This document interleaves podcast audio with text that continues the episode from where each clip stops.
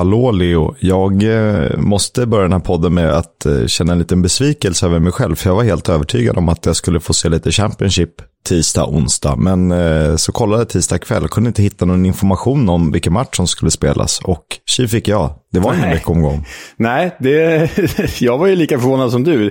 Det har ju nämligen varit så hela hösten att eh, varje gång det varit Champions League-vecka så har det varit, eh, så, som man säger i Tyskland, Mittwoche i Championship. Eh, men det var ju inte nu, så vi blir ju väldigt eh, ställda av det faktumet. Men lite League One fick man ju se på svensk tv och det var kul det också. Ja, ja men det är ju, all fotboll är bra fotboll, som jag brukar säga. Hur är läget i övrigt? Nej, men det är sådär. Eh, vi är ju lite försenade i vår inspelning här för att, som du vet, men som lyssnarna inte vet, så har ju vår trädgårdskran sprängts.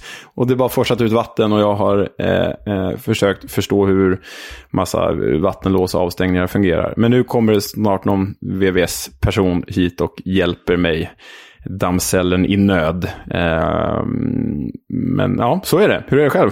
Jag tänker på Lille Gunnar, du är bäst, du kan allt om VVS. Klassiker från Nile City för er som hängde med i den referensen. Jo, men det, det är bra tycker jag. Vi har eh, ju spelat in en intervju till den här podden, till det här avsnittet som jag tyckte blev väldigt trevlig, mysig med lite bra historier och en härlig kunskap. Ja, men verkligen. Och eh, det är väl återigen sådär, ni som är duktiga och läser avsnittsbeskrivningen, ni vet ju att det är en intervju med den förre Tottenham och Wigan-spelaren Erik Edman som väntar i dagens episod. Har ju faktiskt aldrig spelat Championship väl, men eh, har däremot gjort eh, en del matcher för Wigan och Således kan ni också tänka, och lyssnade i förra veckan så vet ni ju att Wigan är lite i fokus. Och det passade ju bra i och med att de spelar veckan liksom de andra League One-lagen. Mm, det blir härligt. Så låt oss eh, köra igång.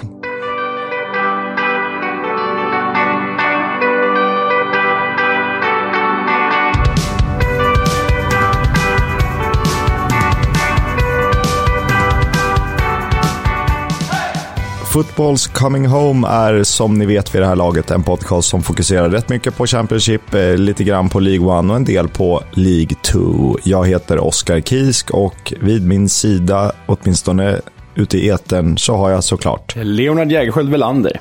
Mannen med tre förnamn, tänkte jag säga, men mannen med tre efternamn, precis som Keen Lewis Potter. Mm, det, det gillar vi ju.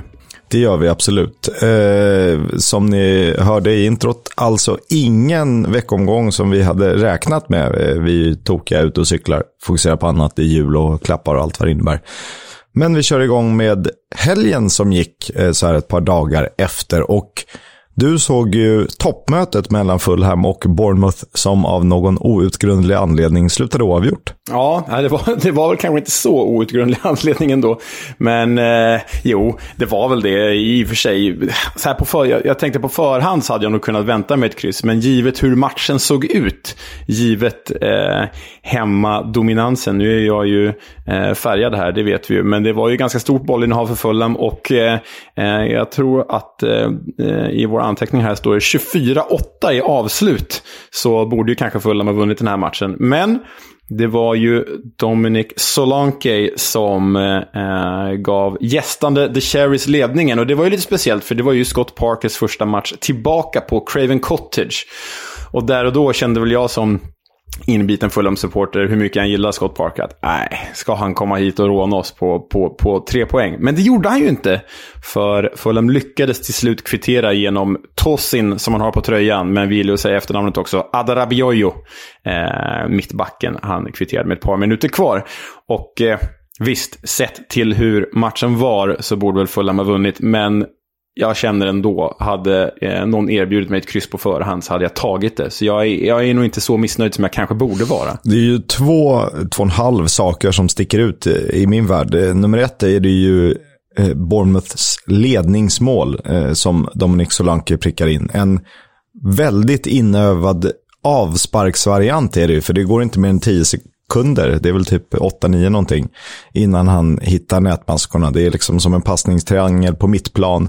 Långboll från eh, Billing va? Eh, över försvaret som Solanke hinner upp och kan placera in säkert. Väldigt snyggt. Ja, nej, men jättesnyggt. Och det är ju som du, som du säger, det känns ju väldigt inövat att göra sig på avspark i andra halvlek som eh, som det här sker. Det, det, det är roligt när det är en sån variant och det är inte en hörnvariant eller en frisparksvariant. Utan bara, nej, men det är en avsparksvariant, det har vi tränat på.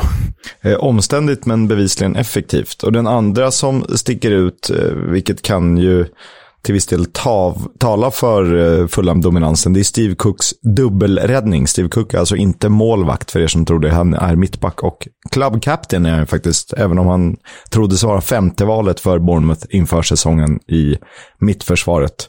Han, det är lite som när John Terry flög med huvudet före. Det är så mycket engelsk mittback det kan bli. Ja, ja men det, det är ju verkligen, det, är ju, det känns ju som ett givet mål för Fulham där. Men Steve Cook är ju väldigt självuppoffrande när han täcker både ett och två skott. Och det är ju en väldigt, eh, ska vi säga, videovänlig sekvens där. Så det rekommenderar jag alla lyssnare att titta på. Absolut. Och eh, Solanke firar ju med någon form av bågskyttegrej. Han drar en pil från ja, sin väska på ryggen. Jag kommer inte ihåg vad Robin Hoods gamla pilbärarprylar eh, hette. Men, eh, och så gör han någon form av imaginär. Koger heter det där på, på ryggen. Wow. Bra.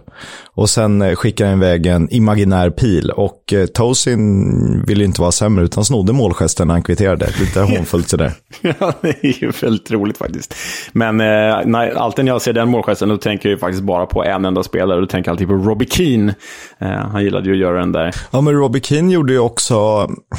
Alltså, typ en kullerbytta och så hade han som dubbla pistoler som han sköt med i luften. Exakt. Den, så minns jag Robbie Keane. Den irländska varianten på Obafemi Martins eh, alla volter, typ.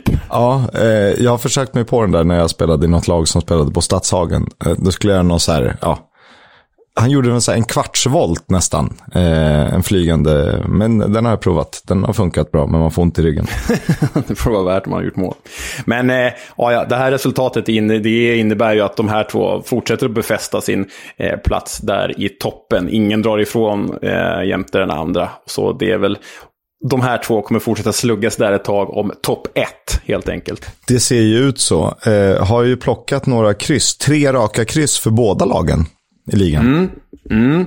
Det var någon slags vinterdipp här och det tackar väl West Bromwich för, för de vann ju faktiskt sin match. Till slut. Det gjorde de och är ju eh, tillbaka på tredjeplatsen efter att ha gått lite tungt en period. Det har ju på vissa ställen pratats om Ismaels... Han har ifrågasatt så kan man väl säga och det är väl inte mer än rimligt när ett lag går tungt. Men eh, att det skulle pratas om någon eh, sparkan eller avgång, det känns ju väldigt långsökt och väldigt tidigt, tycker jag. Ja, ja, nej, verkligen. Han, han kommer ju, det har ju ändå sett bra ut överlag. Det är bara den här dippen senaste. Men nu är det ändå en stark bortaseger. Coventry har ju inte varit kattpiss den här säsongen. Utan att vinna, vinna borta mot Coventry med 2-1, det är, ändå, det är ju bra. Det är ju precis vad West Brom behövde också. Det är bra. Jag, jag såg inte den här matchen. Det är lite småknepigt att kolla på eh, via eh, i Sverige på Championship, ska sägas. Men samstämmiga röster säger att det är en av Coventrys svagare insatser för säsongen, om inte den svagaste. Och West Brom var ju ganska formsvaga inför matchen. Ja, men ähm, återigen Carlan Grant som är mål framspelad av Callum Robinson. Det känns ju som att det är den duon som, som äh, ska leverera framåt för att West Brom ska göra mål om det inte är en fast situation som gör det. Eh, sen fick de hjälp på vägen också. Och det här uttalet tycker jag är så jäkla lurigt, äh, Kisk. Coventrys försvarare. Han heter väl Kyle McFadsin? Det kanske är så enkelt. Så skulle jag säga. Kyle McFad McFadsin, ja det kanske är McFadsin. Han gör ju alltså både mål för Coventry och självmål. Eh, som spelar liksom 1-1 med sig själv, men ja, hjälpte ju West Brom till den där 2-1-segern. Och som ni kommer höra senare i den här podden, eller i bonusavsnittet, hela intervjun med Erik Edman, så är ju McFadsin i så fall Coventrys Anthony Gardner. Ja, verkligen. Och Gyökeres återigen inga mål. Jag undrar vad som har hänt där. Men det kan ju, eh, han kan ju ha överpresterat då, börjat fundera lite. Coventry går ju svagare, men det är lite som att mycket hänger på honom, tyvärr. Lite tunt. Ja, ja verkligen. Seger för West Brom alltså, det blev 2-1 i den matchen. Huddersfield är inte längre bland eh, toppgängen, de halkar. De halkar och de halkar mot Poya Asbagis Barnsley. De möttes ju där i Barnsley. Slutade 1-1 och eh, Poja har ju då, alltså det är väl ändå ett godkänt kryss får man väl säga, men de vinner ju inte och de behöver börja vinna. Det, är, det är en bra start om han kan fixa några poäng, vilket han har gjort nu här. Eh, bygga bakifrån, se till att man inte förlorar och släpper in massa mål och känna en trygghet. Då kan de gå vidare lagdel för lagdel. För att jag, jag har ändå en känsla att det här kan gå bra. Sen är det inte säkert att de klarar sig kvar. Men då har man en väldigt fin grund att stå på inför nästa säsong, om det nu skulle bli League One. Även om det, det lät ju mörkt. Vi åker ur, men det känns bra. Ehm.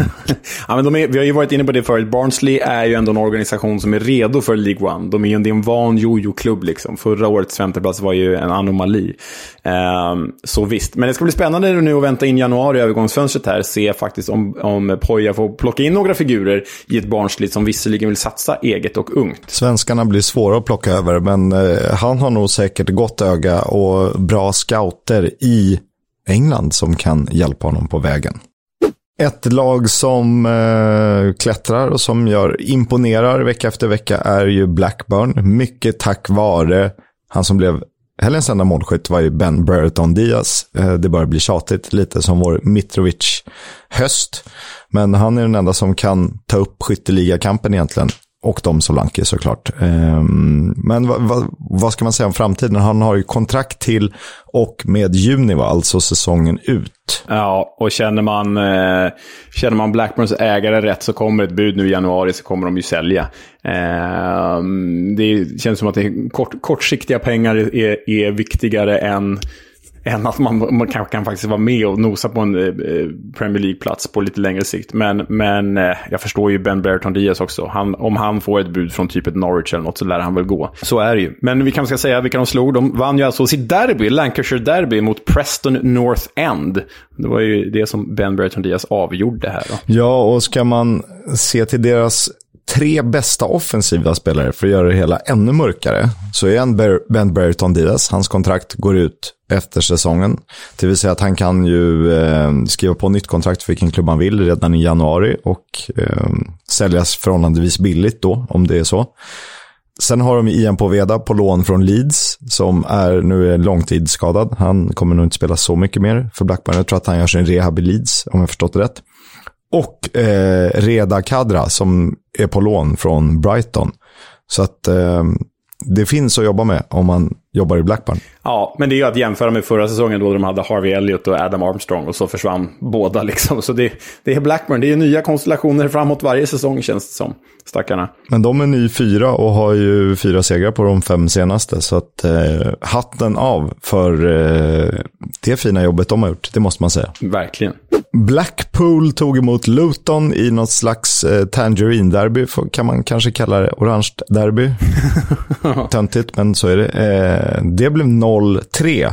Simon Sloga missade matchen för Hatters. Han låg nedbäddad i covid-19, men Arsenal-fostrade James Shea var väldigt stabil i frånvaron. Och jag undrar lite hur Blackpool inte lyckades göra mål. 7-5 i avslut på mål och flera kvalificerade chanser som man kan se på highlights. 0-3 blev det alltså och Luton fortsatte att blanda höga toppar med djupa dalar, åtminstone resultatmässigt. Blackpools formkurva pekar neråt. Sex raka utan seger och två poäng på fyra matcher sedan Neil Critchley skrev på sitt långtidskontrakt till och med 2026. Ja, Blackpool har ju överpresterat sett till att vara liksom en, en nykomling. Kanske den nykomling tillsammans med Peterborough som var tippade längst ner i, i tabellen. Men, men eh, alltså, bara håller Neil Chrisley kvar Blackpool så har han, har han gjort jobbet. Och jag tror inte det att det här nya kontraktet har påverkat nämnvärt. Det finns förtroende för Critchley både hos ledning och supportrar. Och vi vet ju vad Liverpool-fansen tycker om Critchley, så jag, jag tror att han kommer få ordning på det där till slut. Bristol City slog Derby med 3-0. Scott blev matchvinnare för eh, Bristol City där. Tungt för Derby såklart. Ja, tungt för Derby. Också lite så här symptomatiskt Derby. Gör jättebra resultat mot Bournemouth, bra resultat mot Fulham, bra match mot eh, QPR, även om de förlorade. Och så torskar de mot Bristol City som har sett livlösa ut i princip. Så, ah, symptomatiskt för Derby och eh, viktigt för Bristol ändå som kan liksom, ta ett litet kliv upp från de nedre regionerna i alla fall. Får se hur länge Derby orkar med detta infernaliska krigande. Eh, man hoppas att de ändå kan ha en chans att liksom gå ikapp lagen framför, även om man vill att det går lite bra för Barnsley med svenska ögon. Verkligen. Så hade vi helgens målrikaste match, måste det ju varit. Eh, Cardiff City, Sheffield United 2-3. Ja, men det, det här... Eh, nu, har vi pratat om att Cardiff har vaknat till, för det har de ju gjort också under, under Morrison som tränare. Men, men eh, Sheffield United har ju vaknat till ännu mer. Eh, uh, läst på lite Sheffield United-forum att fansen är väldigt glada över att spelarna får spela på sina rätta positioner. Och det verkar de själva vara glada av också, för Morgan Gibbs-White hade ju en pangmatch, gjorde mål och spelade fram till mål. Och McGoldrick såg ju liksom Premier League bra ut igen och Billy Sharp fortsätter att näta. Så ja, det här Sheffield eh, kanske inte kommer etta som vi tippade dem inför säsongen, men det blir nog, väldigt tidigt att säga, men nog en nosning på playoff. Det blir det. Eh, ingen Robin Olsen än och det här var alltså tredje raka segern med Wes Fotheringham mellan stolparna. Ja, det här är ju, det kan ju bli en obekväm situation för Olsen. Det har vi varit inne på. Vi kommer ju följa den duellen noggrant här mellan Olsen versus Fotheringham. Middlesbrough tog tre poäng. De slog eh, Swansea med 1-0. Ja, Chris Wilders eh, Middlesbrough börjar ju vakna till liv här. var väl hans andra raka seger, va? Eh, och Russell Martins Swansea fortsätter att spela så eh, oerhört fin fotboll, men får ju inte utdelning alltid. Eh, de måste bli jämnare. Blir de det så är ju de ett playoff-lag också. Det är de. Eh, jag vågar inte nämna Swansea än, eftersom jag har blivit supporter bara för att det ska gå bra för dem, som jag har tippat. ja. Millwall slog eh, Birmingham i helgens kravallderby. 3-1 eh, slutade resultatet. Wallace, inte Jed utan Murray, gjorde mål. Bradshaw, Evans likaså. Dini, tröstmålskytt blev det till slut för Birmingham. Och sen hade vi då Nottingham Forest mot Peterborough. 2-0 till Nottingham Forest. Sent avgörande då. James Gardner med 20 minuter kvar. Ryan Yates med 5 minuter kvar. Eh, men... Eh, Nottingham, vi nämnde ju det i förra avsnittet att de spelat många kryss, men nu har de faktiskt bara en förlust på de 14 senaste matcherna. Det, det säger ju någonting att eh, Forest har blivit ett jäkla svårslaget gäng sedan Steve Cooper tog över. Och det är bara Fulham och Bournemouth som tagit fler poäng sen Cooper tog över rodret. Men det är en grej man måste stanna vid. Louis Grabben, eh, den själviska men rätt hyfsade forwarden, missar ju öppet mål från typ en och en halv meter, om det ens är så mycket. Eh, sen är det ju Garner som plockar upp den och avslutar in till 1-0, men eh, den är värd att titta på, 72 minuten alltså. Det är en ja, sanslös misser. Ja, den är sanslös. Framförallt i, i, om man i, skänker en extra tanke till att det är Louis Grabben som gör det. Han är ju ändå med Championship-mått mätt en av ligans bättre avslutare. Så det känns väldigt ovanligt att han ska stå för den där blunden. Eh, ja, men en självisk sådan. Vi hade ju Reading mot Hull. Den slutade oavgjort 1-1. Tom Holmes för Reading och Malik Wilkes för Hull. Fin poäng för Hull får vi säga och missräkning för Reading kan man väl sammanfatta det som. Så säger vi. Playoff-möte mellan QPR och Stoke eh, slutade 0-2. Adam Davis i Stoke-målet fick en 10 i betyg av Who Scored och gjorde ett par viktiga räddningar och hyllades efter matchen. Eh, trion Campbell, Fletcher och Vrancic ser riktigt bra ut för Stoke. Eh, och de har inte nämnt Jacob Brown eller ständigt halvskadade Nick Powell. Eh, däremot så är Charlie Austins straff bland det slappaste man har sett. Och den går ändå på mål. Ah, Ja, Charlie Austin har haft lite hybris där när han grät in i kameran när QPR eh, vann senast mot Derby och så. Det har han fått lite stick för på sociala medier har jag sett. Men det känns ju som att de här två lagen, QPR och Stoke, är väldigt lika varandra. Bara det att de mm. liksom presterar motsatt hela tiden. QPR och Stoke står för fin, snabb, ganska teknisk fotboll. Det låter ju inte som klassiska Stoke, men så är ju dagens Stoke faktiskt. Men bara det att QPR, när QPR vinner sina tre, fyra matcher i rad, då gör Stoke inte det. Och sen när Stoke vinner tre, fyra matcher i rad, då är QPR inte det. Så det känns som att de här är, jag vet inte, kusinerna från London och kusinerna från landet som tävlar om vem som ska ta sista playoffplatsen typ. Som Lero och Långhalm, eller vad säger man? Verkligen. Men eh, två, två underhållande lag. Rekommenderas att kolla på när tillfälle ges. Kolla på Iljas tjejer. Sen är det lite så här, vi sticker emellan med League One eh, och då fokuserar vi på veckoomgången. Det var ju två tv-sända matcher. Eh, tisdagen så var Pompey mot Sheffield Wednesday. Den slutade 0-0. Men eh, ja, före Tottenham-talangen Massimo Longo Fick se det röda kortet med ungefär 20 minuter kvar. Eh, och sen kan man ju säga att eh, Nordirlands första målvakt som lånats ut från Burnley till Sheffield Wednesday. Vad heter han? Bailey. Bailey Peacock, Peacock Farrell. Ja, det är så snyggt namn. Det är det också tre efternamn, det är det ju. Ja, det är det. Det är det verkligen. Eh, han gör ju några ja, ruskigt bra räddningar för den här nivån. Sen fattar jag att det inte är så stor skillnad kanske på målvakter. Nödvändigtvis som ett helt lag när man går upp och ner i divisionerna. Pompey hade stora delar av matchen och eh, de stora chanserna självfallet. Olds var inte helt ofarliga. Åttan mot nian i tabellen var det.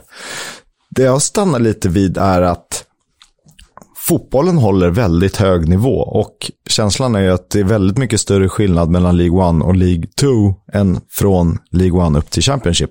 Ja, men det tror jag kan stämma. Eh, att liksom, ja, det tror jag kan stämma. Men sen är det väl så att liksom de topplagen i League 1 skulle man nog ganska enkelt kunna byta ut mot bottenlagen i Championship. Alltså det avståndet är nog mindre än toppen i League 2 och botten i League 1. Men sen, Exakt. om man ska ta liksom ett topplag i League 1 och placera det i någon slags playoff-plats i Championship, då skulle man nog få ganska redigt med spö, tror jag. Men det finns ju, som vi har varit inne på det förut, det finns ju så många härliga klubbar här. Alltså, Portsmouth och Sheffield Wednesday, det är ju Ja, men, men det är ju två Premier League-lag, liksom. Om, om, eller Premier League-klubbar om man så vill. Och så har vi ju Sunderland där nere och så. så ja, League One vurmar vi för och eh, pratar gärna mer om eftersom att vi märkt att ni lyssnare vill höra mer om det också.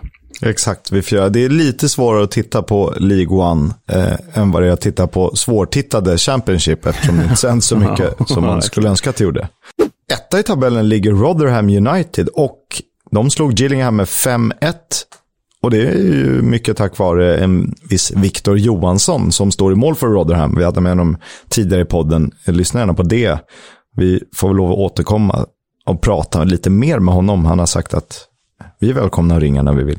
Han släppte in minst antal mål per 90 minuter och han är femma i räddningsprocentligan med 72,2 procent räddade bollar. Ja, det är kul att höra att det går bra för vår kompis där borta. Men har jag dragit den här grejen för dig och för våra kära lyssnare om Rotherhams arena? Det tror jag, men dra den igen för den är bra. Ja, okej. Okay. Jag kanske inte dragit den. Ja. Eh, men deras arena heter ju New York Stadium. Och så såg jag någon supporter på sociala medier. Eh, jag kommer inte ihåg om det var liksom, när, jag tror det var när pandemin, när man kunde gå på fotboll igen. Och så var det en kille som hade gett en, eh, sin pappa i födelsedagspresent en resa till New York. Varpå pappan blev ju otroligt glad. Men det visade sig bara att de åkte på bortamatch till New York Stadium och kollade på sitt lag, vilket det nu var, borta mot Rotherham. Det tyckte jag var väldigt roligt. Pappan var ganska besviken. jag kommer inte namnge personen, men det var någon som skulle åka över och se sin eh, första match. Det är inte jag, det kan jag lova. Eh, med eh, Spurs i London åker till Tottenham Court Road och går runt och frågar folk, eh, vet ni var White Hart Lane ligger? För er som känner till det, London så ligger det typ eh, Soho-ish, strax norr om Soho, Tottenham Court Road, tunnelbanestationen där. Eh, så där fick de inte se någon fotboll. Det är lite längre till Seven Sisters. Mycket roligt. Ett annat lag som gjorde fem mål, det var Sunderland. De slaktade Morecambe med 5-0. Och vår svenska vän Benjamin Kimpioka fick en kvart och ersatte tvåmålsskytten Broadhead i Black Cats storslam. Inga mål för Kimpioka där. Kimpioka som vi pratade med i vårt premiäravsnitt, va, tror jag? Ja, visst var det så.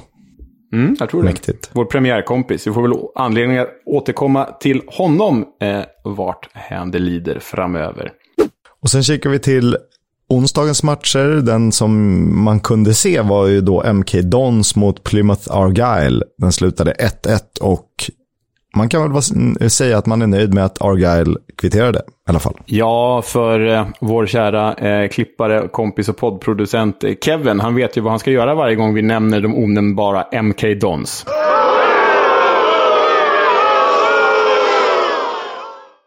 Vi pratar om den andra matchen hellre för att Wigan slog Shrewsbury med 2-1. Eh, och ett förhållandevis, för den här nivån, namnkunnigt Wigan med ja, Will Keane, James McLean, Ben Amos räddades av unge Liverpool-födde norske u-landslagsmannen Telo Åsgård. Fransk mamma, norsk pappa och gör honom tillgänglig till Norge även om han är uppväxt i England. Mm, och vet du vad som är extra roligt med det här? För du, eh, du eh, slungade ut det här på eh, vårt Twitterkonto, EFL-podden. Följ det om ni inte gör det. det finns ju också på eh, Instagram. Men du la ju ut det här att eh, eh Telo Åsgård avgjorde. Och jag såg, jag vet inte om du har noterat det, men att det inlägget likades av, nu kommer jag inte ihåg förnamnet, men en annan Åsgård, om han heter Jonathan Åsgård, som är spela cello, tror jag det var, i England. Så det kanske var hans pappa som likade ditt inlägg och i så fall var det väldigt roligt. Det hade ju varit eh, ruggigt mäktigt eftersom jag också är gammal cellist. Är det så? Jaha. Musikalisk Jaha. som är, ja, jag har ju provat de flesta ja, instrument. Eh, borde vi göra något eget intro? Men eh, spännande, det visste inte jag. Det är saker, mycket man inte vet om mig. Eh, vi kikar till tabellen lite då, eller toppen och botten i alla fall. Rotherham och Wigan båda på 41 poäng som en slags toppduo. Eh, Rotherham dock en match mer spelad än Wigan. Wickhams kuggar på tredje plats, de har också 41, men Rotherham har spelat 20 matcher, Wigan 19, Wickham 21. Efter det på övriga tre playoffplatser Sunderland 39 poäng, Plymouth och Oxford på 36 var. Ja, och sen kan man ju nämna de playoff-utmanare som finns, eller de storklubbar som finns där nere också. Vi nämnde ju Sheffield Wednesday och Portsmouth på åttonde respektive nionde plats. Eh, så det är, är ju klubbar att hålla koll på där som ligger nära playoff. Precis ovanför strecket hittar vi Shrewsbury på 19, Morecambe på 20 plats, båda med 19 poäng inspelade. Och i turordning från plats 21 till 24 då. Fleetwood Town, Gillingham, Crew Alexandra och sist, tyvärr, Doncaster Rovers med svenska tredje landslagsmålvakten Pontus Dahlberg. Mm, som eh, inte fått spela de senaste matcherna heller. det känns ju som en ganska prekär situation för den gode Dahlberg, den annars ack så lovande Dahlberg.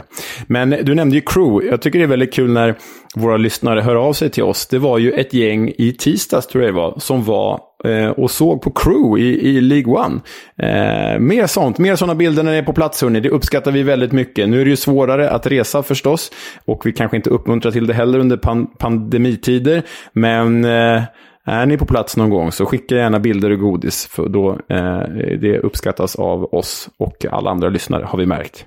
Hatten av Jakob Eld för att du såg, eh, du och din vän såg Crew Alexandra mot Lincoln City istället för Champions League. Det finns något väldigt fint i det. Have you not been watching? I haven't. Frankie McAvoy är inte längre tränare för Preston North End efter derbyförlusten mot Blackburn. Ryan Lowe ersätter honom, kommer närmast från Plymouth Argyle, har lyft dem från League 2 till toppen av League 1. Han hyllades redan i Bury efter en träningsmatch mot Liverpool bland annat. Eh, till och med Klopp var imponerad och eh, som inspiratörer nämner han just Klopp, Guardiola och Rafa Benitez i ett progressivt sätt att styra laget. Han formerar enligt en 3-1-4-2-modell där förtroende i uppspelen från försvararna är vitalt, precis som en bollskicklig sittande spelfördelare som Lowe vill ha. Får se hur det går med Preston North End. Mm, det kan ju bli eh, intressant där. Eh, det är ju alltid ett steg upp från liksom en klubb som Plymouth till, till eh, Preston. Lite att jämföra med när, när eh, vad heter han, Nathan Jones gick från Luton till Stoke. Det gick ju inte bra. Eh, och nu går det jättebra för, för Jones och, och Luton igen. Men det här ska vi ju eh, följa eh, med spänning förstås.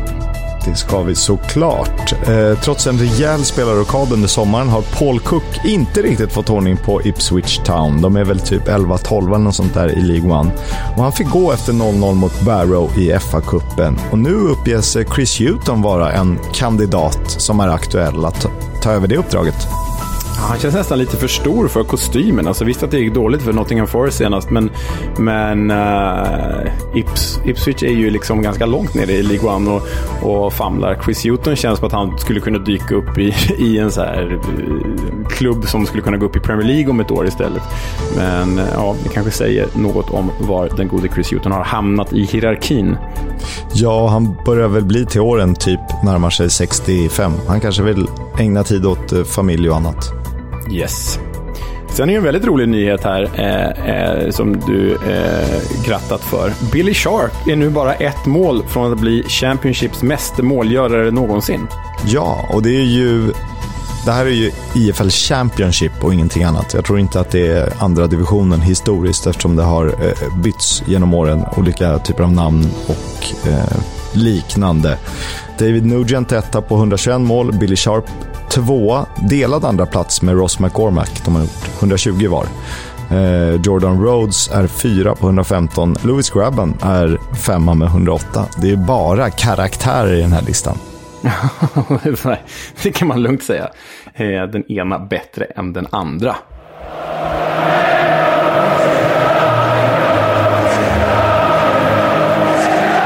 Footballs Coming Home sponsras av Stryktipset, ett spel från Svenska Spel, Sport och Casino. För dig över 18 år, stödlinjen.se. Jag har ju min höjdare. Man kan väl säga att det är poddderbyt. Eh, om det är ett riktigt derby eh, tvistar det lärda. Eh, eftersom Luton ligger lite utanför London. Men det är såklart Luton mot Fulham. Det är lördag klockan 16. Och jag tror ändå att Luton har en chans att eh, bräcka Fulham. Tre raka kryss, visst de är revanschsugna, men Luton sina bästa dagar spelar väldigt bra fotboll och kan göra mycket mål. Och vi vet eh, att deras sämsta dagar är ingen rolig historia. Så hade jag ett block framför mig så skulle jag nog helgardera den här matchen. Men eh, väldigt spännande möte i alla fall. Luton Town mot Fulham alltså. Leo, vad har du i kikaren? Ja, om man bara vill kommentera den matchen snabbt så, så eh, borde vi nästan göra så att den som vinner får bjuda den andra på lunch. Eh, när vi ses nästa gång. Ja, då ska det ju baseras på odds. Så att om... Det här är, det är inte rättvist. Nej, du får bjuda mig på en dyrare lunch så jag, Om Luton vinner då bjuder jag dig på en, en kebab eh, i bröd och om eh, Fulham vinner så bjuder du mig på en schysst restaurang. Mm, mm. Men, men ja, vi får se vem som bjuder vem. Det blir spännande i alla fall. Eh, utöver den självklara matchen med poddögon sett så eh, är det ju värt att lyfta parallellmatchen. Bournemouth mot Blackburn. Eh, det är ju ett gediget jäkla toppmöte. Eh, se om Ben Burton Diaz kan sätta käppar i hjulet för Scott Parkers gäng. Och sen vill man ha en väldigt underhållande match tror jag att man ska bege sig till Wales och kolla på Swansea mot Nottingham Forest. Vi vet ju vad bägge de två lagen står för just nu. Det kan bli kul.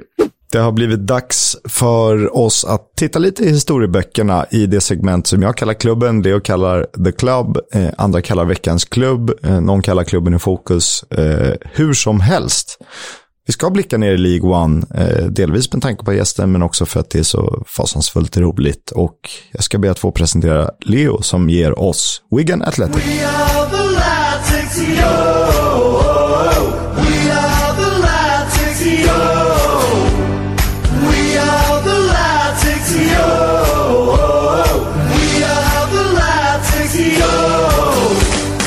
John Filan, Nicky Egan, Gary Teal, Tony Neil Roberts, Andy Little, Matt Jackson, Steve McMillan. There's a team of players, the Wigan Blue and Whites, that play the game of football way down at Robin Park. Jewel is their leader, and Jason is their man, and no one can deny that they're the greatest. Yeah, no one can deny that they're the greatest in the land.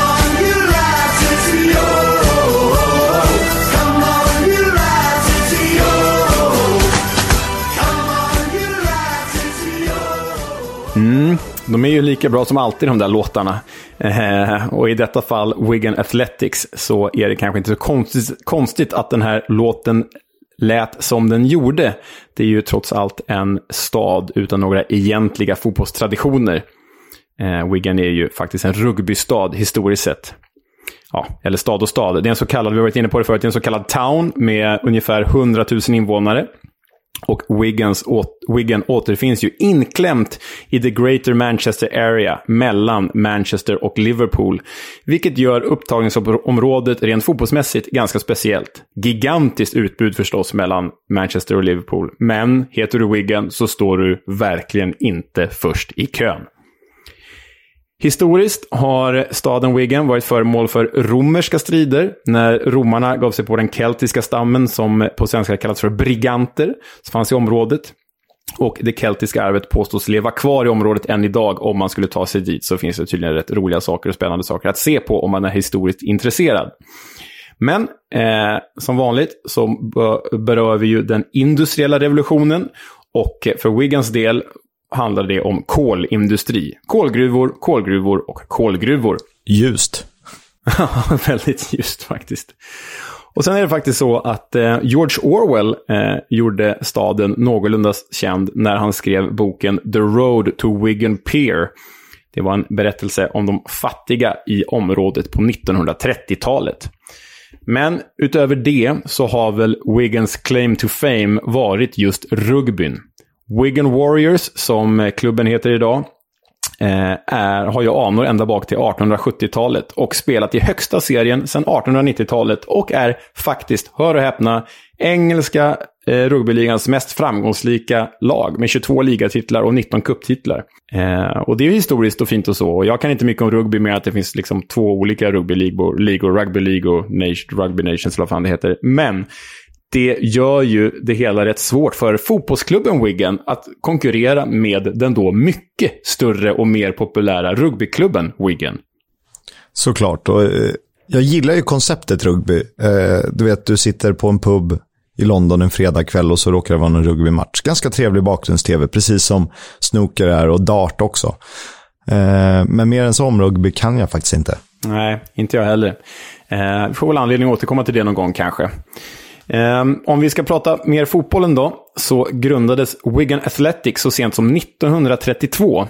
Det är alltså då nästan 60 år efter rugbygrannen. Så man har ju, rugbyn har ju ett enormt försprång i Wigan kan man säga. Um, och som vi var inne på, Wigan Athletic har ju i alla fall fram till modern tid inte gjort något större väsen av sig. Och faktum är att klubben spelade lokal, regional och amatörmässig fotboll fram till 1978. De var alltså utanför det engelska fotbollssystemet fram till 1978. Och då, hör och häpna, valdes de in i Football League. Detta efter att Wigan hade varit rätt framgångsrika på den här amatörmässiga nivån. Däribland så spelade de ju FA Trophy Final 1973 som de förlorade mot Scarborough. Ja, det var ju liksom den typen av klubbar som Wigan slogs mot i, i en sådär 40 år. Men när de då valdes in i Football League så var ju Football League ett stängt ligasystem att jämföra med typ NHL. Man köpte sig inte dock en plats, utan man liksom valdes in. Men för att väljas in i ligasystemet behövde någon annan väljas ur.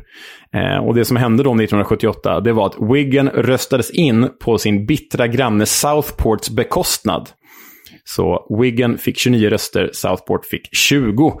Och Wigan fick därmed kliva in i Football League för första gången någonsin. Man eh, hade ju, vill ju ha, hade velat höra om Trump hade jobbat för Southport, hur det hade låtit. det hade varit glada miner. Och eh, de, liksom Southport hatar Southport-människor hatar ju Wigan efter det här. Förstås, det är väl ganska förståeligt. Men väl uppe i proffsfotbollen eh, och The Football League så började klättringen ganska snabbt. Det tog bara fyra säsonger innan Wigan gick upp i tredje divisionen.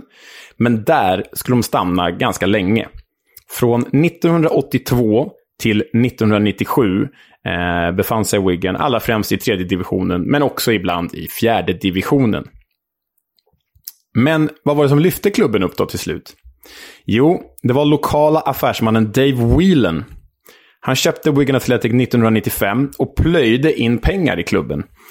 Och målsättningen var redan då att eh, nå Premier League, högsta serien. Och Dave Whelan, han var verkligen Wigan through and through. You know when you get on television and they say I'm from Wigan me and we got a song now I'm from Wigan me and I sing that all the time and when I'm abroad in Barbados I put a record on and we all gather around and we all sing it and we all love that song I'm from Wigan me. Mm, där hörde ni då ägare Dave Whelan. Han är inte ägare längre men eh, 1995 tog han alltså över klubben och den här snutten var i och för sig från FA-cupfinalen 2013. Men den är ändå väldigt talande om vem Dave Whelan faktiskt är. Han åker till Barbados och sjunger sånger om Wiggen. det... det är lite speciellt. Men säsongen efter eh, Dave Whelans övertagande av Wigan så gick de upp i eh, Division 2, alltså dåvarande tredje divisionen. Och det med hjälp av en trio spanska spelare. Whelans affärskontakter i Spanien hade nämligen gett honom möjligheten att värva Isidro Diaz, Jesus Seba och Roberto Martinez.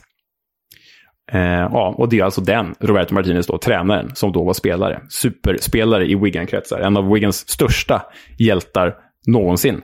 Eh, de här tre spanjorerna kommer att kallas för The Three Amigos.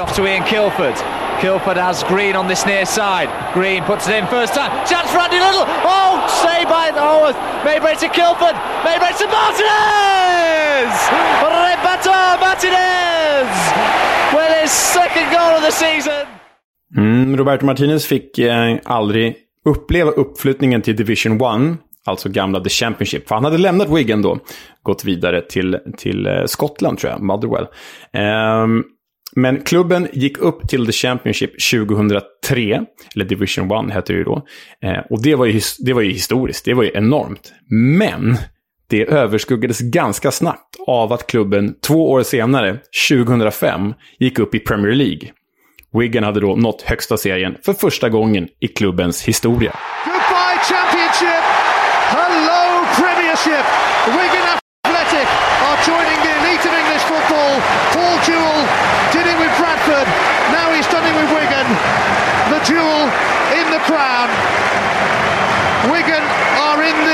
Dave Whelan's dream has come true 10 years after he took over the club. There was a time not so long ago when they never would have thought they would hear it. So let's say it again for these fans. Wigan are in the Premiership. Och frågan är liksom om, ett, eh, om någon annan ägare har fått sån fart på sin klubb så fort. Det tog alltså bara tio år för Dave Whelan att föra sitt Wigan upp i Premier League från de lägre divisionerna. Och det med en rätt potent trupp faktiskt. Tränaren hette Paul Jewell. Ni kommer säkert ihåg honom från, från eh, Wigan då och Birmingham tror jag han var i också. Eh, och även Bradford tog han upp i Premier League. Eh, och han hade ju spelare som Jason Roberts, Jimmy Bullard, Lee McCulloch, Leighton Baines och Nathan Ellington. Eh, därtill en svensk spelare, den första i raden av många. Vem då, Kisk? Det var väl Andreas Adde Johansson? Mm, din eh, nuvarande lagkamrat, va? Eh, exakt, jag tror fortfarande han är kontrakterad av FC Samp. Mm, kul. Och från den här uppflyttningen till Premier League så rullar det bara på. Det är alltså då säsongen 2005-2006 så ska de spela sin första, sitt första år i Premier League. Och då värvar de spelare som man kanske gör på Football Manager när man inte har så mycket pengar. Lyssna på de här namnen. Stéphane Anchaud, Pascal Chimbonda och Henri Camara. Det känns som ett jäkla rövargäng. Och jag undrar om det var den här säsongen som Chimbonda blev uttagen i årets lag innan han värvades till Tottenham, va? Mm, det blev han. Han blev eh, årets högerback i Premier League. Har du helt rätt i. Wigan slutade då tia i Premier League, deras förstås dittills och även hittills bästa placering någonsin. Eh, samt att de sjukt nog nådde sin första stora kuppfinal. Ligacupfinalen 2006. Efter att bland annat ha slagit ut Arsenal i semin faktiskt. Eh, och om jag kommer ihåg rätt så eh, spelades deras final mot Manchester United samtidigt som Tre Kronors OS-final i Turin. Eh, mina kompisar och jag, vi kollade på förstås. Well, Wigan was once famous only for its rugby league team and being something of a musical joke, but not now. Paul Jewell and his players have changed all that, and if they can achieve the impossible dream here today, it's all over. Manchester United have won the Carling Cup, their first trophy since they lifted the FA Cup here in Cardiff two years ago, and only the second time they've ever tasted success in this competition. Defeat for Wigan Athletic, but all credit to them for what's been a terrific performance in a terrific season.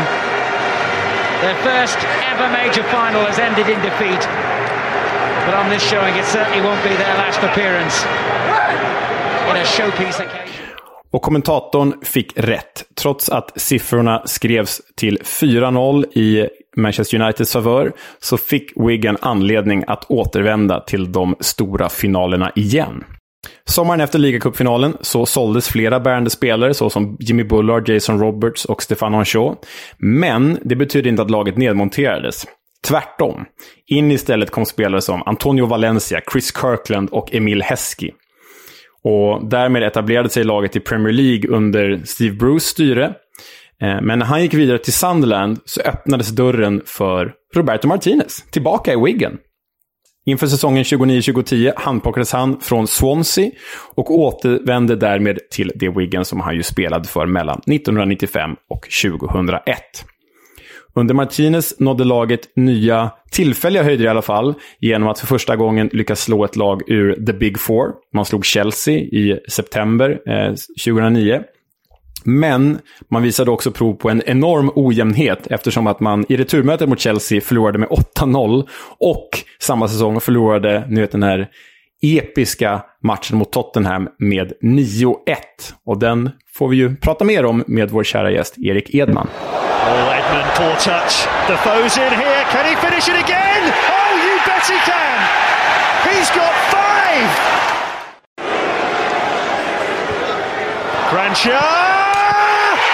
It's nine!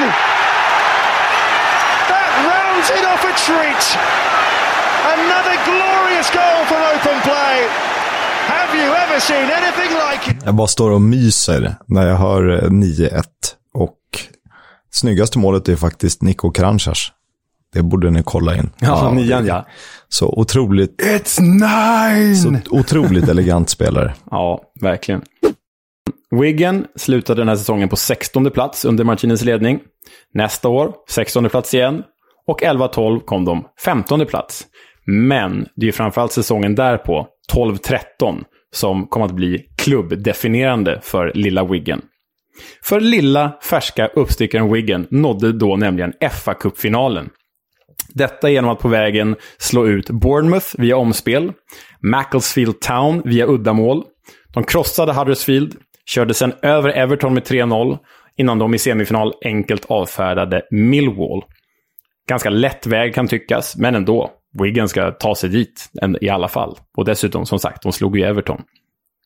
I finalen väntade dock nyrika bjässe Manchester City och på ett fullsatt Wembley väntade eh, Roberto Mancini superstjärnor. Det var Joe Hart, Vincent Kompany, David Silva, Yaya Touré, Sergio Agüero, Carlos Tevez. Medan Wigans rövarband bestod av pjäser som Joel Robles, Emerson Boyce, Paul Scharner, James McCarthy och James MacArthur, Jordi Gomez, Sean Maloney, Aruna Kone. Eh, jag vet ju vilket lag jag hade valt att heja på, men det är en helt annan historia. Ja, vi är nog, vi är nog likvärdiga där tror jag.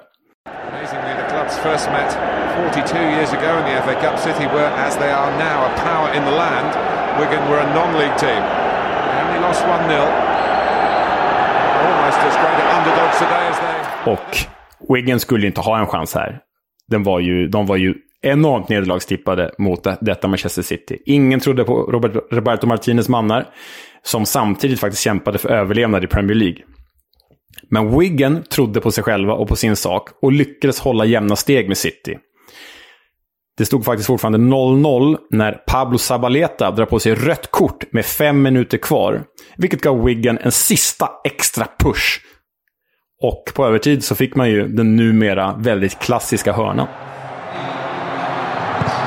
Which Maloney takes.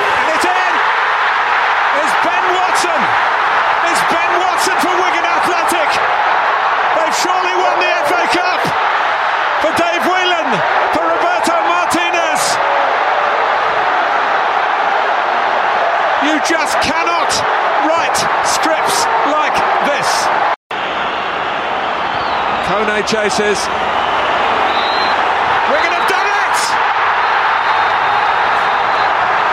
Unbelievable for Dave Whelan, for Roberto Martinez. Tough to take for Mancini and his men. The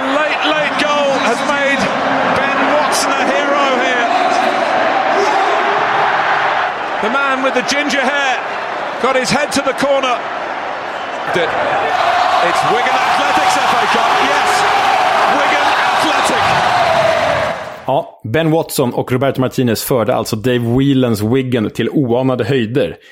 fa kuppmästare Och frågan är, Kisk, om den här fa kupptriumfen kanske ändå inte var modern engelsk fotboll. Engelsk fotbolls moderna största skräll fram till att Leicester vann ligan ett par år senare. Ja, och titta, alltså det är ju få finaler du kommer ihåg så tydligt. Och det är ju mycket på grund av att just Wigan slog Manchester City, som då hade liksom börjat där, om man kan kalla det segertåget, eller erövrandet av topplaceringarna i Premier League. Mm. Ja, det, det, det är en jäkla... Jag kommer ihåg, jag jobbade den här matchen också för vår gamla arbetsgivare Viasat. Och det var ju... Jag kommer ihåg kontrollrummet när, när Ben Watson gjorde, satt 1-0 där. Det var ju liksom...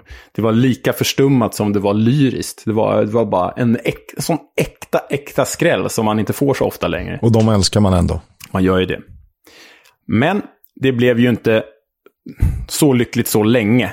Lyckan varade bara ett par, bara ett par dagar, för sen åkte ju Wigan ur Premier League för att, i alla fall hittills, inte återvända igen. Säsongen efter fick de ju spela i Europa, de nådde gruppspelet i Europa League, Men då spelade de i The Championship och hade ju liksom inte resurser för att, för att spela i Europa eller att ens ta sig upp. Så Wigan förvandlades ganska snabbt till den jojo-klubb den är idag. Pendlar mellan The Championship och League One. Och så sent som 2020 hamnade klubben under konkursförvaltning, likt Derby idag alltså. Men nu har klubben stabiliserats under sin nya bahrainska ägare Talal Al-Hamad och återfinns ju som sagt i toppen av League One. Med första platsen i egna händer, som ni hörde. Wow, Wigan ändå. Mm, det finns ju något där. Eh, tycker det är härligt att drömma sig tillbaka till de här gamla rövargängen som liksom värvar så speciellt som de gjorde, Wigan och Bolton och sådär. Och kul att vi har en gäst med oss idag som kan berätta mer om det. Det har vi, eh, som var på plats, typ, och eh, såg det med egna ögon. Eh, här är eh, samtalet med Erik Edman. Leo berättade om Wigan Athletic och vad passar väl bättre än att ha någon som faktiskt har spelat i Wigan. Varmt välkommen Erik Edman. Stort tack så mycket. Hur är läget? Ja, men det är ganska bra uppe här i Stockholm och ska jobba med lite kommentering här i två dagar. Så att eh, smög in i studion också. Eh, och tack för inbjudan. För de som inte känner till dig nu, eh, vad gör du nu? Ja, lite eh, strökommentering lite då och då på Simor TV4, eh, U21, eh, några Champions League-matcher och sen är jag tränar på, eh, eller för ett lag utanför Helsingborg, typ division 2-lag nu då, Hittarps IK. Ja, så lite andra små grejer kanske, men, men det är i stora drag det jag pysslar med. Mm. Ja, det är ju stort. Alltså, det är ju dels stort att ha en för detta Wigan-spelare här. Jag kan tänka mig att du tycker det är stort att det är en för detta Tottenham-spelare här. Det är ändå en man som har tagit i hand med Michael Dawson, vilket gör det hela ännu, mycket, ännu större. är det din uh, favorit, Michael ja, det är, Dawson? det är en favorit. Ja, en och det favorit. är en uh, riktig gentleman också. En jävla trevlig prick alltså. Jag kan tänka mig att man hade inte en tråkig stund på planen, eller i omklädningsrummet. Nej, dels det. Skön, avslappnad kille, ödmjuk också och, och ja, bra, bra person rent allmänt. Liksom. Uh, ja, trevligt att umgås med honom, uh, även om det blir ganska kort. Kisk gillar ju Michael Dawson så mycket, så när jag var i Hall av alla ställen och Dawson spelade där, då fick jag ju en beställning att jag skulle köpa en Dawson-tröja specifikt. så det gjorde jag. Ja, honom tycker jag om. Jag har mina spelare. ja, så är det. Eh, vi ska väl prata lite om Wigan. Eh, först och främst, hur är din upplevelse av Wigan? Hur kommer du ihåg det? Som stad menar du då? Eh, I allmänhet, både klubb och stad. Vi kan börja med klubb kanske.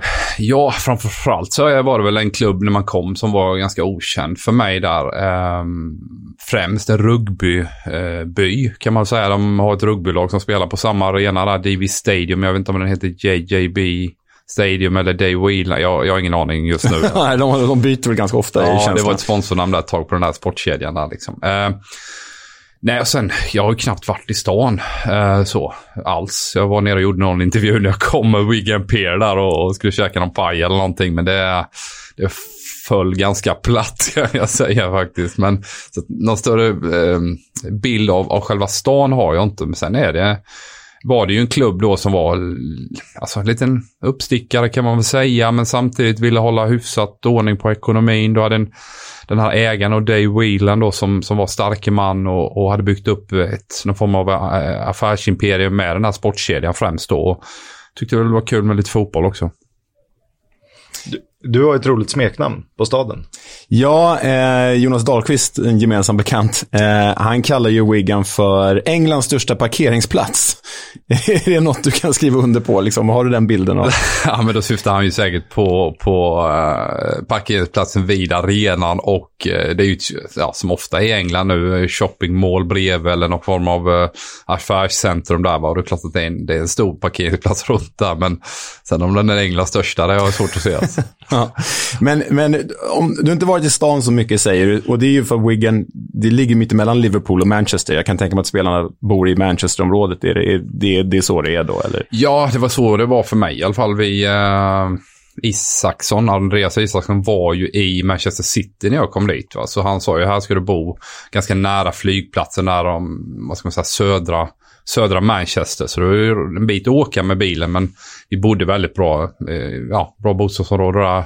Hale, eh, Bowden, eh, där, där, många fotbollsspelare bor. Du har ju Olle Ledge till exempel. Eh, som, som är ganska känt främst från, från Beckham och Ronaldo bodde väl där för mig också. Så att, eh, det området kan man säga är jättetrevligt. Eh, ja, ganska lugnt område. Eh, du har ju några klubbar att jämföra med. Eh, om du får sätta dem i kontext med varandra, vad, vad säger man om storlek och professionalism och Ja, nej men eh, om man tar Wigan är ju de, av de klubbarna jag har, har verkat i så är ju Wigan kanske den klubben som skiljer sig från de andra. Där, I de andra fanns det ju en, en lång historik och det fanns traditioner på olika nivåer. Då, Tottenham som har sin historia och var någon form av storklubb och eh, ja, nästan på en global aktör kan man väl ändå säga. Så många som håller på Tottenham och så vidare. Eh, Torino med sin historia, Karlsruhe var jag kort tid också. Det är också en relativt eh, alltså, välrenommerad klubb i Tyskland. Det var ju i alla fall förr. Olle Kahn till exempel och, och Michel Tarnat och lite sådana spelare kom ju därifrån innan de gick till Bayern München. Och, och det har väl präglat den historien, även om de är lite tuffare nu då i Zweite Bundesliga. Sen har du Rennes. Eh, Också lång historia, även om de inte riktigt har, har lyckats vinna någonting förrän... Ja, det är nu det börjar hända ja, saker. ju. precis. Ja. Absolut. De har tagit de stegen som, som de kanske hoppades att vi skulle göra när vi var där. Eh, men, men byggt det i en, alltså i en takt där man hela tiden kan anpassa kostymen efter liksom, eh, ja, där man är så att säga. Liksom, på, ett- på ett hälsosamt sätt. Och det är också en stark ägare i, i Pinot där bakom liksom, till exempel. Så det fanns en historia där. Heerenveen också eh, ja, ganska stark eh, skandinavisk prägel på den klubben var det ju då framförallt Jon Dahl Tomasson är väl det mest kända namnet då som kom tidigt och en, en annan eh, dansk högerback som heter Ole Tobiasen som gjorde det jättebra. Sen kom ju Albeck och ja, det, det följde med det liksom. Mm. Du eh, hade ju ett par eh, fina år i Frankrike, i Rennes där. Eh, du var väl egentligen Tottenham till Rennes och sen tillbaka till, till England. Hur kommer det sig att du, du vill, sökte du dig tillbaka till England? Hur, eller hur kommer det sig att det blev Wigan? Ja, det, det, de dök upp på sommaren där och, och la ett bud, men då ville inte Rennes släppa mig. Um... och vi kände väl, jag kände väl någonstans en saknad eh, från Premier League-fotboll. För det är ju något speciellt. Alltså det går inte att komma ifrån att det är otroligt stort. Och särskilt som svensk kille liksom med, med tips extra och det här snacket som, som ni säkert har haft tidigare med dem. Att man bygger en, en, en ehm, ja, en tradition kring engelsk fotboll och en hype kring engelsk fotboll som finns i Sverige. Och den, den fanns ju inte i Eng äh, Frankrike på samma sätt. Så att den saknaden och sen var det väl också sociala faktorer med, med att det är kanske lite enklare med, med ja, man ska säga, komma in i ett samhälle, socialt liv i England. Det fanns några svenskar där också. Nu var ju Petter Hansson visserligen i Rennes vid den tiden där också, men, men eh, eh, vi skulle ha vårt andra barn också och lite så här, ja men dagis och lite sådana grejer och ja, bättre betalt också ska jag också lägga till. Den lilla faktorn, den brukar vara avgörande i många fall. Alla som står här brukar inte erkänna det, men det, det var ärligt. Rakt hedervärt ändå. ja, verkligen. Men så du trivdes bättre i England helt enkelt, om man ska hårdra det, om man slår ihop allt det där? Jag vet inte, när jag summerade så tycker jag ändå det var en jäkla intressant tid i Frankrike. Nu, nu är det ju en engelsk podd där, men Frankrike som land har ju så otroligt mycket. Det är maten, det är kulturen. Eh, det, det är ett land med, med, med olika typer av eh, regioner som har olika skillnader vad det gäller liksom klimat och sånt också som är jäkligt häftigt. Va? Du har ju Bretagne med Atlantkusten där ute där vi var. Eh, Paris är ju en cool stad. Eh, Provence och Aix-en-Provence där man ofta bodde innan Marseille-matcherna. Monaco är ju rätt ballt det också på ett sätt. Även om det är någon sagovärld kan man väl säga. Som, som att gå in på Disneyland eller någonting i den stilen. Ja, jag, är- jag är ju superfrankofil. Det vet ju du. Du har, hjälpt, du har ju scoutat restaurang åt mig i Rennes. Det, det vet ju Du du. Men, frankofil, anglofil, italofil, Ja, det- NHL-ofil. ja, ja, ja den inte, inte riktigt NHL-ofil, men jag gillar ju klubbmärkena där. Men, men ehm, jag måste bara en kort passus här. För alla som är i Rem någon gång, senast jag var där, då du scoutade restaurang åt mig och min far, då klick, klev ju vi in på liksom restaurangen, nu är det här långt ifrån engelsk fotboll, men vi klev in på restaurangen på arenan. Och då fanns det ju en vägg med bilder på dig och Peter Hansson och Isaksson och Kim Källström och Toivonen. Det var ju en svensk vägg. Det var otroligt häftigt, vill jag bara liksom slänga in här när vi ändå pratar om den. Ja, jag alltså det är också en sån grej. Alltså jag har ju inte varit i något av de här ställena. Alltså inte Tottenham heller. Jag har varit på en Tottenham-match, men den var ju på Wembley. Så jag har ju inte varit tillbaka på, på White Hart Lane. Jag har inte varit i Hedenfen, jag har inte varit i, i Rennes heller. Eh, och jag och min fru snackade om det. Det var 20 år sedan vi flyttade till Hedenfen här nu i denna sommar som gick här. Liksom, fan att man inte har varit där och tittat och ja, hälsat på liksom. Det är ju bedrövligt faktiskt. Det är ju konstigt för du känns ändå som en, eh, en person som eh, var omtyckt i alla dina klubbar. Alltså svår att tycka illa om, om man säger nu som spelare eller som personlighet på planen. Eh, ja, det vet jag inte om det stämmer, men det, det hoppas jag ju. Att man, man på något sätt har ja, satt någon form av prägel, även om det är ju relativt korta perioder överallt. Eh, Petter Hansson har ju en otrolig status i, i Heerenveen till exempel, där han var i fem år. Och jag tror man behöver vara i en förening och en, en klubb lite längre än vad jag kanske har varit för att sätta den prägeln över tid också. Liksom, att eh, kanske ha den statusen som, som han har där då till exempel. Du var ju, om vi återvänder till Wigan då, du var ju ett och ett halvt år i Wigan. Eh, drabbades av en allvarlig skada. Eh, hur tror du tiden hade blivit där om du inte hade skadat dig? Eh, ja, det är klart att jag hade ju spelat på hela den våren. Eh, sen fanns ju Maino Figueroa där, eh, en jäkla bra spelare som, som var en ung kille då på den tiden. De hade tagit han direkt från eh, eh, Honduras som han är ifrån. Jag tror han spelar fortfarande för Honduras landslag. Så att han har säkert 160-170 landskamper. Så att han hade kanske eventuellt på sikt eh, konkurrerat ut mig ändå. Nu blev ju det en, en, en um, förändring som blev tidigare för att man satte in honom redan på sommaren där efteråt. Då.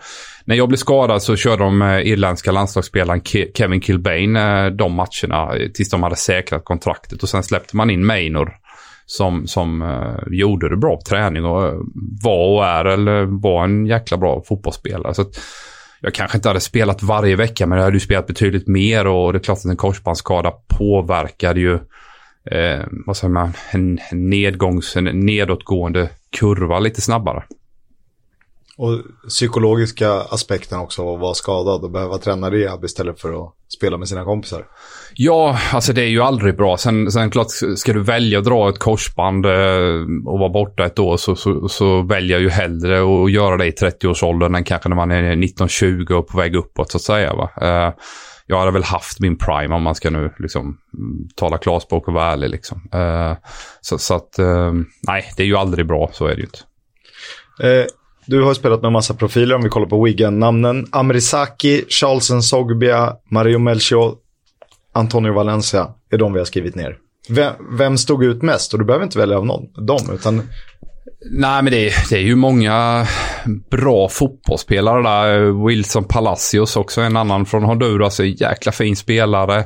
Eh, Mido, bra karaktär som jag spelar med både i Tottenham och i Wigan. Eh, jag kommer ihåg första gången han kom till, till, till träningsanläggningen så, så hade han en chaufför på, på en vit Rolls Royce där som han landade ner från, från Middlesbrough. Han, han eh, var en person som kunde göra en entré om man säger så. Va? Så att, eh, det var ju många karaktärer där. Och Amersaki som du nämner där hade ju en jäkla härlig start där fram tills Mido kom. För så fort Mido kom så, så blev han helt iskall. Eh, så det var också en sån här konstig grej där, där Mersaki leder väl mer eller mindre Premier Leagues skytteliga fram till Mido ramlar ramlar in. Och det hade väl inte Steve Bruce riktigt eh, tänkt till kring den personkemin och att de två var, eh, vad ska man säga, Egyptens två största fotbollsspelare vid den tidpunkten mm. och konkurrerade om någon form av rampljus som gjorde att Amir Saki, eh, ja, föll, föll ner lite där på, på, på skalan från att vara stekhet till att bli iskall.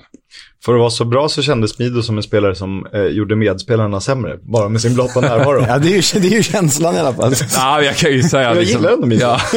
Nej, men alltså, både i Tottenham och i Wigan, alltså de här första månaden så tänker man ju för fan, det här är ju världens bästa fotbollsspelare. Han sköt från vinklar som man, man tror inte är sant. Det bara smäller upp bollar i krysset i parti och minut. Så att liksom, när han väl kom in och i början och den entusiasmen så han har ju en otrolig karisma, eh, Mido, liksom, när han kommer in i ett rum. Han tar över hela stället liksom. Eh, påminner en del om Zlatan på ett sätt, men kanske lite varmare i, liksom i, i framtoningen. Zlatan är ju mer för, eh, vad ska man säga, respektingivande på det sättet om man, man ska jämföra. Men just förmågan att, och, och liksom auran att ta över ett rum är, har ju Mido, det kan man lugnt säga.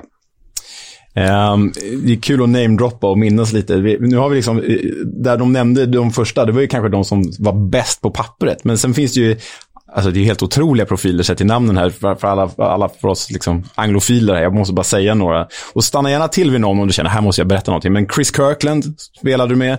Paul Scharner, österrikaren. Ja, Paul, på, jag bara skjuter in här direkt, förlåt men eh, Paul Scharner var första träningen som jag dyker in efter uh, Eh, jag har kommit över. Så på något sätt så har jag en hemåtpass till målvakt som kommer ut och så petar jag in den i eget mål istället så det blir ett missförstånd. Det första Pochane gör där är ju att skrika “What the hell are you doing you fucking idiot?” liksom. Så jag tänkte jag, vad är det här? Och hade jag varit 20 så hade man blivit lite rädda för han är ju, han är ju din längd där, Leo. Liksom. Skräckingivande. Sådär va, men äh, ja, jag var ju ändå, stod ändå på mig där liksom. Fasen, äh, det är klart man inte, man gör ju inga självmål med, med mening liksom. Så, äh, men, men det var ett sätt att få hans respekt när man står upp va. För han har ju en, också en, en, en viss typ av vad ska man säga, kommunikation. Eh, som är väldigt, väldigt rak på liksom. Men jag gillar honom sen och alltså bra kille var det ju i grund och botten, men, men känslosam. Utåt ganska speciell figur. Han färgade väl håret blått och, och... Ja, det hade han ett tag. Sen hade han ju vitt och svart. Alltså en, en schackruta typ. Just det, just det, just det. Han var ju verkligen en, en, en profil. En karaktär. Ja, en karaktär. Ja, minst sagt. Ja. Ja, men sen var det andra figurer som Emerson Boyce och Titus Bramble, Hugo Rodallega, Antoine Sibierski. Det, det, det är riktigt, så här på pappret idag, det känns som ett riktigt rövargäng. och inte alla av de som var på väg uppåt direkt där. Sibierski landade ju in på slutet där, men det var också en sån jäkla skön kille som jag haft lite kontakt med. Eh, efteråt. Han var agent ett tag, han var sportchef i, i Lans en period och tror jag tillbaka i i England nu och ja, rotat sådär. Sen hade han ju en liten tragisk familjehistoria med dottern där som, som, eh, som gick bort här Oj, också. Så att, eh, men men, det, nej, men det var många där. Valencia som du, som du är inne på också. Antonio Valencia. Det hade ju ofta honom mot mig på träning och det är klart att det gjorde att man var på tårna minst sagt. Alltså. Stark, snabb, teknisk eh, och var ju ung på den tiden. Liksom. Man såg ju att det här kommer bli riktigt bra. Mm. Det var en kille som kunde springa. Ja, det kunde ju du också. Hur var, hur var lagfesterna med, med det här gänget? En ganska apart samling eh, herrar från hela världen. Uh, ja, men det, det, är ju faktiskt någonting som jag tycker sticker ut i England. Att liksom, där tror jag de har kommit mycket längre generellt med integration. Uh, om man tar London till exempel, när man är i London och går på gatorna. Det är ju, alltså dels är det mycket turister såklart, men det finns ju väldigt mycket folk från olika typer av kulturer och uh, ja, ursprung rent generellt och jag tror att det är nog någonting som har präglat engelsmännen. De hade säkert eh, liksom en period där vi kanske går igenom nu i Sverige. Gick de igenom på säg 50-60-talet liksom. men de har kommit längre där och det gjorde också att utlänningar kände sig väldigt välkomna. Och de var väldigt välkomnande i sitt sätt att och liksom ta emot eh, ja, utländska spelare. Liksom. Man har ju hört några rövarhistorier från NHL där man liksom chicken swedes och fryser ut folk. Så, så var det absolut inte här utan engelsmännen är, ja, visst, det finns en konkurrenssituation och det vet alla om men det är ändå på ett hälsosamt eh, sätt skulle jag säga. Eh, som tränare i Wigan, eh, två, i alla fall på pappret för oss som står utanför, ytterligheter. Steve Bruce ena säsongen, Roberto Martinez andra. Det, hur skulle du beskriva de två? Ja, eh, och Steve Bruce har ju fått en hel del skit kan man väl säga här nu då med Newcastle. Jag skulle vilja säga att han eh, definitivt kompetent. Eh, man kan väl eh, särskilja de två, Martinez och Steve Bruce, som, som en, en ja, du har Steve Bruce som, som kommer in och städar ett rum medan liksom Martinez inreder det sen. Va? Om man tittar på eh, vad de har taktiskt och så vidare. Steve Bruce har ju jäkla kvaliteter i att förstå vad man behöver i laget för att överleva.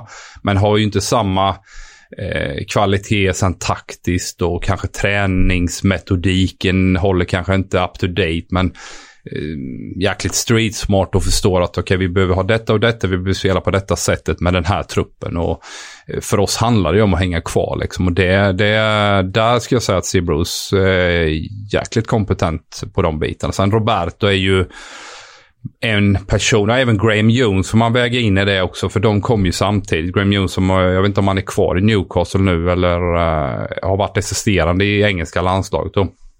Det finns ju också en historik med Graham Potter där. Jag träffade Daniel Kindberg vid ett tillfälle. efter den här 9-1 matchen dagen efter. Jaha, okej. Så landar Daniel Kindberg in liksom. Och jag bara tänkte, vad fan är det här för lirare? Så presenterar han, jag har ett uh, division 2-lag och vi ska upp i allsvenskan. Och jag tänkte, vad fan den här dåren kommer jag ju aldrig mer träffa i hela mitt liv.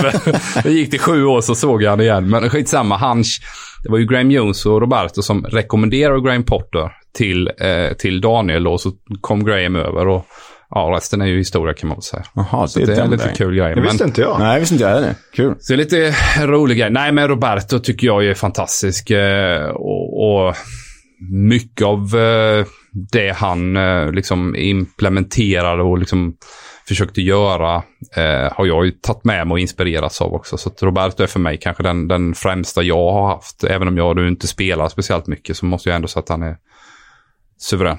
Både liksom taktiskt och man management om man säger. Eh, ska vi säga att eh, framförallt träningsmetodiken, hur han liksom vill spela fotboll och ofta är det ju kanske att man har en possessionövning där man bara passar runt bollen. Här fanns det alltid ett syfte med vad man ville få ut. Man ville liksom bygga övningar så att det liksom provocerar fram vissa beteenden. Eh, Allt från tillslagsbegränsningar till, till liksom slutprodukt eh, och så vidare liksom i olika övningar. Det gjorde att man såg att det fanns en, en, en tanke och det är klart att det är ju ingen, eh, vad ska man säga, nu, nu nördar jag in mig på taktik här eller på, på Kör, träning. kör. Eh, nej men det, det är ju ingen tillfället att Spanien och Portugal är de länderna som tar fram flest spelare med hög spelförståelse. Liksom. Eh, ja men Xavi är väl det kanske ultimata exemplet, Iniesta och Bernardo Silva, den typen av spelare. Liksom, för att de tränar på ett visst sätt eh, ja, redan i unga år. Försöker du applicera det här på din tränarkarriär?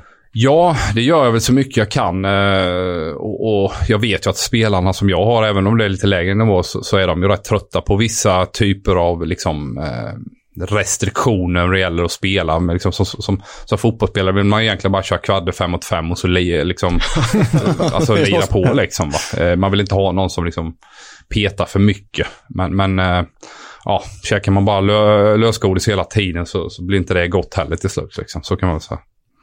Har du eh, liksom kontakt med någon av dina gamla tränare idag? Har du haft någon kontakt med Roberto Martinez till exempel? Nej, det har jag inte så, utan eh, det är klart att man har följt hans, hans resa såklart, men, men nej, någon kontakt har jag inte. Sen tycker jag ju det är kul när det går bra liksom för dem, så är det ju. Om vi, eh, det brukar vi fråga folk som har spelat, eh, Pontus Jansson bland annat och Bojan också, det här med arenor. Är det någon arena du kommer ihåg som wow, vilken upplevelse det var? Eller Pontus Jansson sa, det är den, Millwalls alltså var hemsk men fantastisk att spela på. Är det några sådana minnen du har från England? Jag har inte varit i Championship då, men eh, och där kan det säkert finnas en del eh, pärlor på så sätt att liksom det känns eh, ja, sunkigt men ändå, alltså det här, här andas det tradition liksom. Uh, nej men Goodison tycker jag är cool på det sättet. Uh, jäkla tight, gammal. Omklädningsrummen är ju extremt små och Leo hade ju knappast kommit igenom tunneln där uh, med den längden du har. Uh, så den är ju häftig. Sen, sen måste jag ändå säga att, att White Hot Lane är ju speciell liksom. Och det är klart att det är lätt att och liksom, tycka att ett derby mot Arsenal hemma är coolt och häftigt och den atmosfär och nästan hatiska stämning som finns då, det, det är ju något speciellt. Eh, Så att, får vi säga de två då, ja, Anfield är ju också speciell. Alla, det finns ju många, men, men just det här täta, det är väl det man vill åt också som spelare. Att det, det är ju någonting som triggar. Vilken är den värsta arenan i England du spelat någon form av tävlingsmatch på? Det finns ju ingen dålig så på det sättet. Jag tänker FA-cupen borta mot något... Ja, jag måste liksom komma ihåg. Nej, alltså det är Portsmouth där, vad heter den? eh, Fratton Park. Ja, den är rätt risig va och det gäller att vara snabb in i duschen för annars är det inget varmvatten kvar liksom. Sånt gillar man ju. Ehm, eh, och- om vi knyter tillbaka till Wigan då. Publikmässigt. Fanns det, fanns det, det är ju det är som du nämnde, det är ju en rugbystad. Fanns det något publiktryck där att prata om? Eller, eller var det rätt, liksom, som, man, som, som jag fördomsfullt tänker att det är i Wigan, att det är ganska lugnt och... och Ja, nej men det var ju jättelugnt. Eh, alltså vi hade ju, alltså även om du då torskar ett antal matcher så är det liksom ingen panik och folk blir lite gny kanske lite granna. Men, men det är ju, det är inte den, det trycket och de kravbilden, absolut inte. Så att det var ju en bra station för kanske, om vi tar Antonio eller Wilson och de här spelarna, att komma in på ett lugnt och fint sätt i en liga som är superbra, men en klubb som inte har de förväntningarna. Liksom så, så för dem var det nog väldigt hälsosam eh, vad ska man säga, eh, anpassningsperiod och just det trycket fanns ju nästan aldrig. Det var ju ganska, det är ju en ganska öppen arena där va? och, och um, gjorde att inte det blev det här trycket. Klart det fanns några matcher om det var United hemma och Liverpool hemma och, och det är klart att, att ja, då var det lite drag men, men det är svårt att jämföra med, med någon av de andra lagen. så. Vilka såg man som värsta rivaler när du... Ja, men det var ju väl främst Bolton då. Eh, för de var ju uppe fortfarande då och hade ju ett rätt bra lag. Johan var ju där till exempel, Elmander ett tag också. Och, och så främst Bolton. Det ligger lite vägg i vägg. Blackburn har det också. Eh, men jag ska säga Bolton.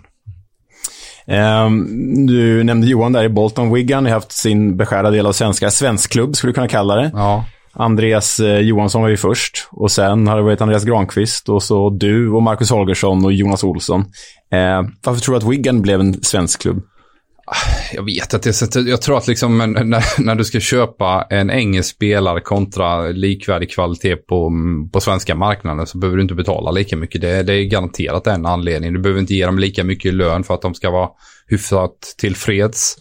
Eh, sen är, har det ju varit olika ledningar som köpt olika spelare, så jag tror inte kanske att det är någon röd tråd man, som går att hitta där. Va? Men, men ofta har det ju varit att har man varit nöjd med, med, med en viss typ av importer så fortsätter man på det spåret. Va? Sen är det väl ingen av dem, om vi ska vara brutalt ärliga, som har gjort något större avtryck, inklusive mig själv. Då. Nej, nej, det stämmer väl. Om, det stämmer väl. Man får, man får, ja, det stämmer väl. Men eh, jag ser en liten röd tråd här. Det kanske bara att jag greppar efter eh, halmstrån i mitt HIF-hjärta. Det kanske jag inte har sagt. Jag håller på HIF förut. Ja, ja, men ja. men eh, Andreas Granqvist, du, Marcus Holgersson. Det är ändå tre HIF som hamnade i Wigan. Ja. Finns, det någon ko koppling där, eller blev det bara så? Ja, det blev nog bara så, tror jag faktiskt. Eh, Andreas var ju på väg uppåt, men steget där var ju ganska stort att komma från allsvenskan rätt in i Premier League. Så att han gjorde några matcher och gjorde absolut inte bort sig. Men, men sen kom Steve in, Steve Bruce in och, och då ville, ville han satsa på lite mer erfarna spelare. Och, han hamnade väl mer eller mindre i någon frysbox och, och stack hem till HIF på eh, ja, ett halvårslån. Gjorde det fantastiskt bra och sen då drog han vidare till Groningen. Alltså. Mm. Mm. Så en svensk klubb utan att vara en svensk klubb kan vi väl säga. Lite så. Håller du koll på Wigan idag? Dåligt faktiskt. Uh, League One, uh, mittengäng, något sånt va? Uh, nu går de bra faktiskt. Det går bra nu? Ja, ja, känns som nästan favorit att gå upp. Ja, okej. Okay. Mm. Ja, de sina matcher till godo så har de ett väldigt bra läge. Ja. Mm. Mm. Jamie Carragers son är väl där. Jag följer honom på Twitter där, så att, uh, jag vet inte om han lirar någonting. Ja, det är, nog, nej, mer, mer, mer än vad jag kan svara ja, på. Ja. Bra fråga. Nej, jag, jag, ska vara, alltså, lägger mig platt där liksom. Jag, jag, jag, har inte stenkoll på dem eh, just nu. Och det är ju såklart att League One är väl ingen liga som jag följer slaviskt så. Så det är klart att det, det handlar ju om det också. Men eh, klart att man tittar till hur går det liksom lite då och då. Uh, Rennes, uh, Heerenveen till exempel. Ja, det blir ju så. Många svenskklubbar har du representerat. Um, skulle du, det här brukar vi fråga våra gäster också. Skulle du rekommendera våra lyssnare, som säkert är liksom lite resesugna när man får och kan och åka sådär. Skulle du rekommendera någon att åka och kolla på Wigan? Eller skulle du säga, nej fan, åk någon annanstans? Nej, men jag, jag, tror ju lite det som jag, som jag ändå tror och tycker väl om Championship. Att det finns en genuin ja, genuinitet eller vad man säger kring liksom atmosfären och det är engelsk prägel på saker och ting liksom fortfarande. Det har man ju säkerligen i Wigan idag också. Sen, sen är det ju ingen liksom aha-upplevelse rent eh, fotbollsmässigt, eh, vare sig på planen eller liksom eh, atmosfären på läktaren. Alltså, det är klart att det finns bättre alternativ om man nu ska lägga dyrt förvärvade slantar på, på en resa så kanske man kanske eh, kan hitta någonting som triggar eh, någon form av atmosfärsnerv lite mer. Kanske bra, kanske bra eh, kombo om man ska se ett Manchester-lag eller ett Liverpool-lag. Ja, absolut. Och hitta någon fredagsmatch, söndagsmatch som passar tidsmässigt och så vidare. Absolut. Ja. Det är ett bra tips. Det är ett bra tips. Det var alltså eh, delen av samtalet med Erik Edman som fokuserade mest på Wigan och lite annat. Som ni hörde vill man höra honom prata om engelsk fotboll i stort. Bland annat eh, en riktig rövarhistoria om Jermaine Defoe. Eh, så berättar han hur trevlig Michael Dawson egentligen var. Och hur bra hade Ledley King kunnat bli, bli med två hela knän? Det eh, får ni ha, vänta till helgen för att höra. Eh, Då släpps hela samtalet alltså. Mm. Alltid kul att höra från initierade gäster, eh, speciellt om den gästen råkar ha spelat i en av våra IFL-klubbar också. Eh, det har blivit dags för eh, ett segment vi har snott. Vi har snott eh, Offsides spelarbussen, som de i sin tur har kopierat av På spåret. Vårt segment heter Who are ya?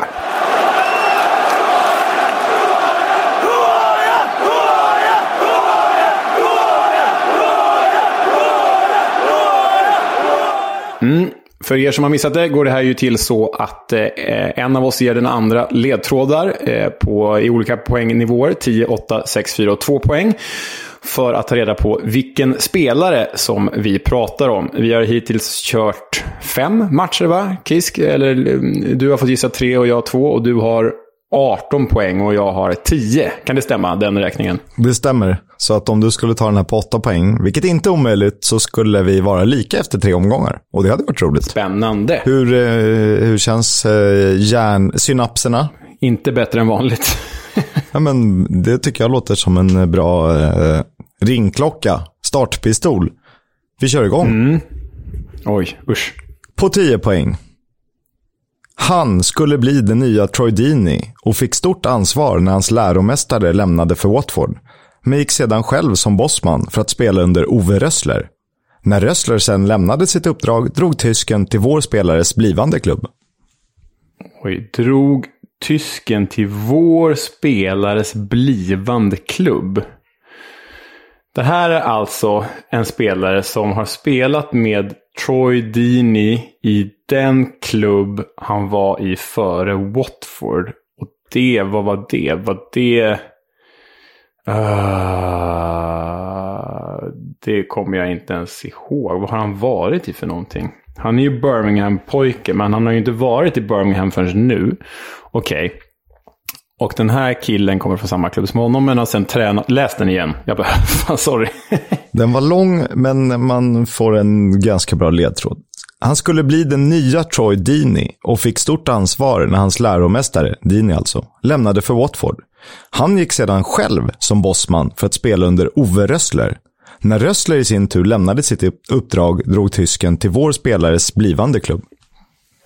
Och Ove Rössler har ju då tränat. Före Malmö FF så var han ju i England. Det där han gjorde sig tränaren. Han var ju bra i Brentford. Han misslyckades ju i Wigan och Leeds. Och sen var han väl i eh, Fleetwood. Fleetwood. Fleetwood va? Ah, så det är ju någon figur som har spelat under Ove Rössler i Brentford, Wigan eller Leeds. Nej, men jag får passa här. Det här var för svårt. Åtta poäng. Spelat två säsonger i Championship för samma lag, dock inte i rad. Och har aldrig fått känna på Premier League-fotboll. Inne på sin sjätte klubbadress, dit han är utlånad. Namne med musikalisk bergensare och en gång i tiden lagkamrat med Dele Alli. En gång i tiden lagkamrat med Dele Alli. Dele Alli har väl bara spelat i Spurs och i MK Dons. Är det då en Spurs-kille som aldrig fick spela Premier League eller är det då en MK Dons-figur? Ah shit, det bara spretar ännu mer. Nu dök det liksom för många klubbar i ekvationen här. Eh, läs den igen. Spelat två säsonger i Championship för samma lag, dock inte i rad. Har aldrig fått känna på Premier League-fotboll.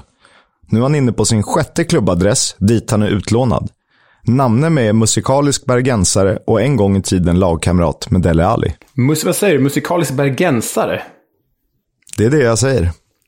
Bergensare? Här, här ryker då mitt kulturella... Eh, här visar snarare min kulturella svaghet. Vad är en bergensare för något ens? Tar du den så tar du ju spelaren. Det är det som är så fiffigt med den här åtta poäng. Att så här, kan man lite musik, lite klassisk musik, får man väl ändå Mm. säga att det är. Mm. Nej, men hörru, jag får nog gå ner på sexan. Det här tar jag inte. Jag kommer inte spela lika med dig den här gången i alla fall. Kulten kring honom är större än hans meriter på planen, även om han vunnit skytteligan i både League One och FA-cupen. Vår landslagsmeriterade anfallare är inte född i landet han representerar. Har han spelat ett mästerskap eller bara spelats på ett mästerskap? Ah, okej. Då, eh, nu förstod jag vem det är. Eh, jag eh, låser in svaret och eh, skriver till dig. Så då. Eh, du kan väl läsa den igen för våra läsare innan vi går vidare, så hoppas jag att jag har rätt. Jag läser sex poäng igen. Jag har fått Leos svar för alla er som undrar. Kulten kring honom är större än hans meriter på planen, även om han har vunnit skytteligan i både League One och FA-cupen. Vår landslagsmeriterade anfallare är inte född i landet han representerar.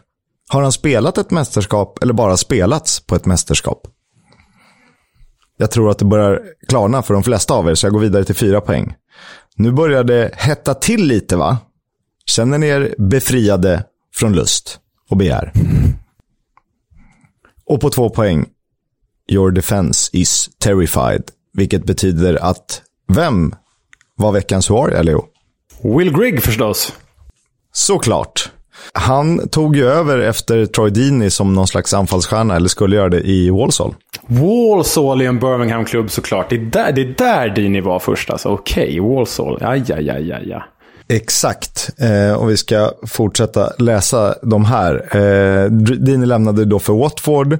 Sen gick ju eh, Will Grigg som bossman för att spela under Ove Rössler i eh, Brentford. Han var i Brentford, det var där det gick bra för Rössler, okej. Okay. Exakt, och sen blev han, där var han, eh, där var han utlånad till MK Dons sin andra säsong. Och det var med, eh, i MK Dons han sen spelade med Dele Alli, eh, för er som vet. Och Ove Rössler gick ju till Wigan efter eh, Brentford, dit eh, Will Grigg gick senare också. Mm. Han har spelat eh, bara två säsonger i Championship, båda för Wigan. De ehm, eh, gick ju upp och åkte ur, kan man ju säga. Eller man kan inte säga, det är så. Ja. Så han, han följde med båda sessionerna där. Han är ju eh, inne på sjätte klubbadressen. Han är utlånad till Rotherham United. Och här kommer en lura. Namne med musikalisk bergensare. En bergensare, alltså någon från Bergen. Och det är ju Edvard Grieg som har Ah, skrivit Bergakungens sal. I Bergakungens sal. Per Gynt. Just det. Mm, snyggt. Mycket snyggt. Så visste man att eh, Edvard Grieg var från Bergen hade man ju kunnat få åtta poäng här. Dele Alli har vi redan nämnt. Kulten kring honom är större än hans meriter på planer. Ja, eh, och eh, han har vunnit skytteligan i både League One och FA-cupen. Han är inte född i landet han representerar. Han är eh, född i eh, England, i Solihull, men han är, representerar ju Nordirland. Har han spelat ett mästerskap eller spelats på ett mästerskap? Det här hör, hör ju ihop med kulten, alltså Will Griggs on Fire, som var större än EM 2016 självt. Mm, det, var ju, det var ju typ enbart på den jag tog det på. Jag hade ju snurrat bort med det med klubbarna helt och hållet. ja, och det, det, är det här som blir svårt. Eh, för Will Grigg är ju väldigt känd.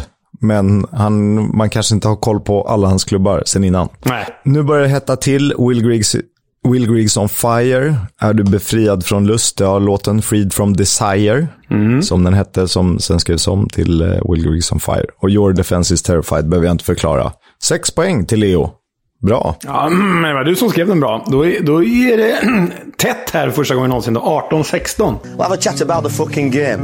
About your game, last few months, last few weeks. Fucking character. Fuck! Jag har skickat Leo på uppdrag att hitta veckans Warnock. Ja, det är ju lite eh, tider här eh, med liksom det är parlamentarisk kalabalik i Storbritannien. Eh, och just nu figurerar ett, ett klipp på Neil Warnock när han bara står och skriker What the hell is going on? Eh, för det är det alla frågar sig i England. Men jag tyckte att det klippet var lite för kort för att köra här. Så jag har faktiskt tagit ett gammalt taktiksnack från honom, återigen från tiden i Sheffield United. När han bara går loss fullkomligt i sisådär en halv minut. Do it yourselves. We can't fucking shout everything. What did you do when you went back, Andy? What, what did you say? I'll fuck off. I'm not going to bollock you. If, if tongue is spare, we don't need you back there. Fucking hell, just, just fucking basics. But there's no wrong with that, lads, is there? We'll not be fucking far away. I wouldn't want to fucking play us here now. And that's a tough one. Saturday's a tough one and all, innit? Reading's another tough one. Another clean sheet Saturday, Mugs, will do me. If we don't fucking score, we don't score. But we will fucking score because we've got some good quality there going in. I'm, I fucking like what it. We've worked hard tonight, not work any harder than that. Man saknar honom mer och mer för varje vecka som går utan att han har en klubbadress. Om det nu blir några fler klubbadresser, det vet vi inte. Nej, det vet vi inte, men eh, vi hoppas. Det är såklart vi hoppas på det. Och eh, där passar det väl att sätta punkt för snacket. Vi ska tacka alla er som har lyssnat. Tack till Erik Edman som var med. Eh, tack till Stryktipset som sponsrar.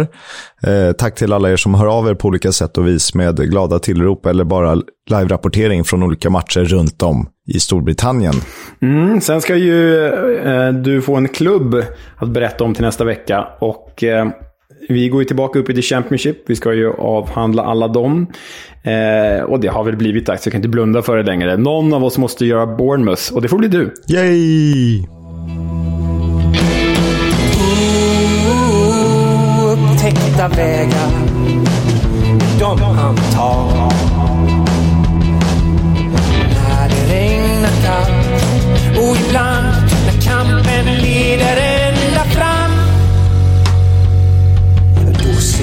Vi på lördag igen.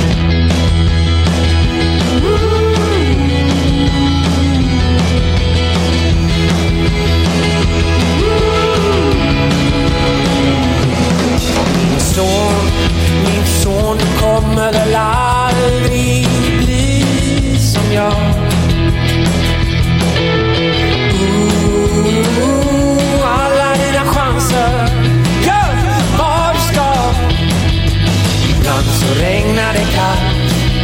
slut leder kampen